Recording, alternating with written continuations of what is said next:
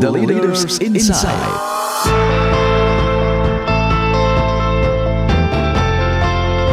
Pemimpin biasa meyakini mereka harus menciptakan banyak pengikut, namun tidak bagi pemimpin sejati.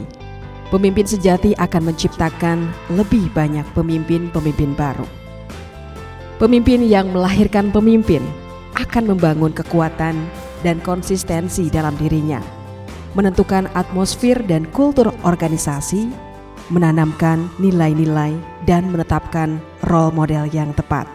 Semua mata tertuju padanya, mengawasi setiap gerakan dan menjadi harapan masa depan bagi bawahannya.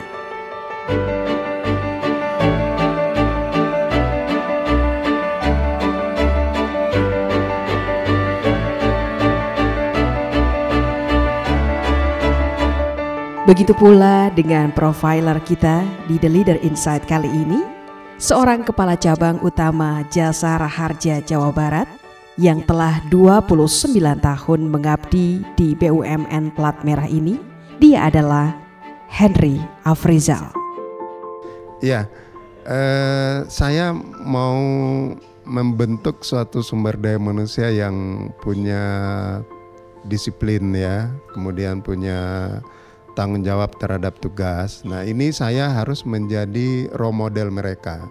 Nah, ini yang saya harus uh, sampaikan kepada teman-teman di Jawa Barat bagaimana uh, jasa raharja Jawa Barat ini menjadi barometernya jasa raharja. Jadi dalam arti kita uh, eh, SDM-nya harus kita buat menjadi pemimpin-pemimpin yang nanti akan memimpin jasa raharja ke depan. Karena saat ini kondisi sumber daya manusia khususnya di Jawa Barat itu hampir 70% itu sudah milenial ya. Jadi milenial dan 30% eh, dalam tahap mungkin tiga atau empat tahun lagi pensiun gitu. Nah, ini ini generasi penerus ini harus kita siapkan, harus kita siapkan supaya keberlangsungan perusahaan ini bisa terjaga sehingga pelayanan kami bisa lebih meningkat apalagi di era digital ini tentunya kita harus melakukan sebuah terobosan-terobosan harus berinovasi menyesuaikan dengan situasi yang ada sekarang gitu. Untuk menciptakan pemimpin baru, Hendy Afrizal konsen pada SDM yang berintegritas. Beliau meyakini nilai-nilai dan budaya perusahaan jasa raharja ke depan dibentuk dari kebiasaan SDM-nya saat ini kebiasaan yang untuk kantor itu saya eh, saya tidak mau menunda-nunda pekerjaan ya. Ini pekerjaan hari ini saya harus tuntaskan hari ini.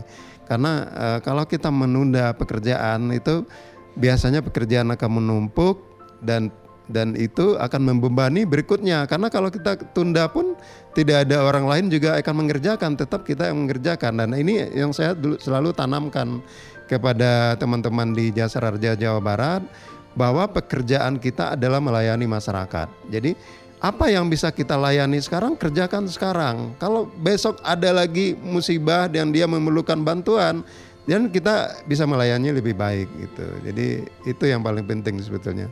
Disiplin, kita kerjakan apa yang menjadi tugas kita hari ini, kita juga harus sehat kita harus berolahraga juga gitu. konsen kita dalam bidang sumber daya manusia itu supaya mereka ini uh, punya uh, apa ya kebiasaan yang walaupun di era lingkungan yang berubah tapi uh, budaya perusahaan yang yang sudah terbentuk bertahun-tahun itu uh, masih jadi pegangan utama mereka gitu. Pemimpin yang berhasil mampu menggerakkan dan mengembangkan hubungan dengan timnya Lantas, bagaimana Anda melakukannya?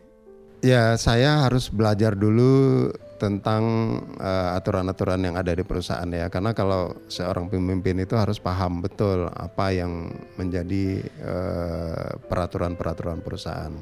Nah, setelah kita pahami, nanti kita uh, sosialisasi ke mereka.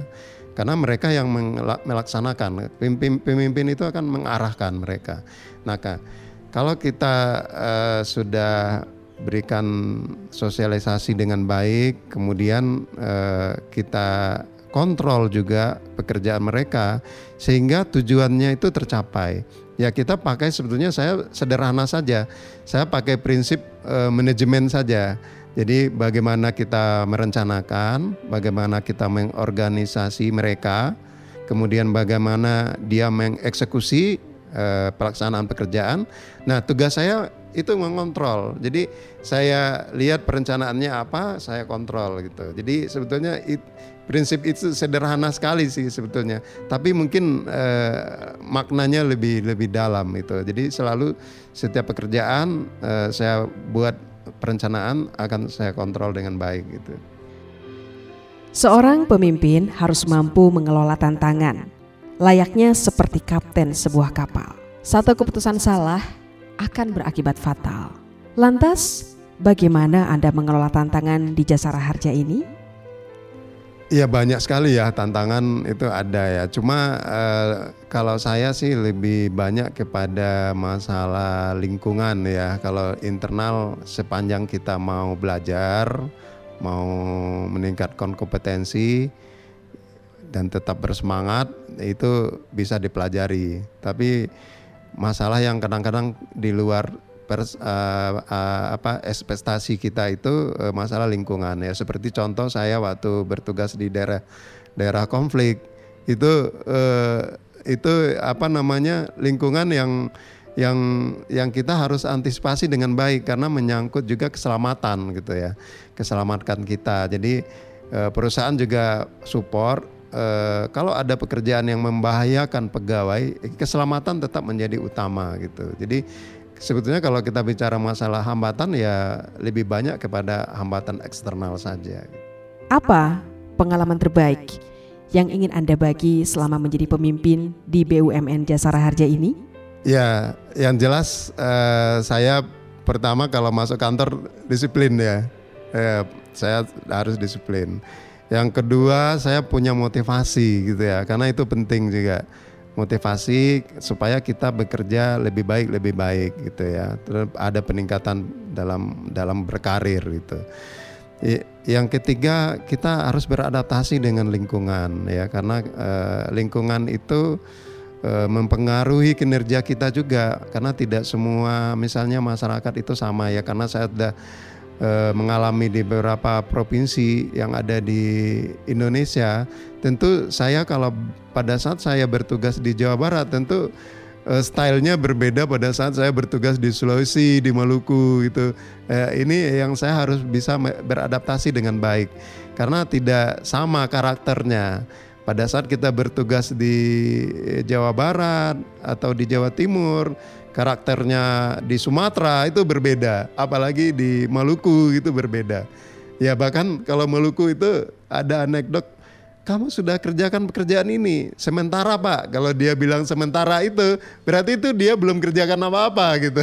Ini satu contoh yang berbeda. Berarti kita kontrolnya lebih ketat lagi gitu ya.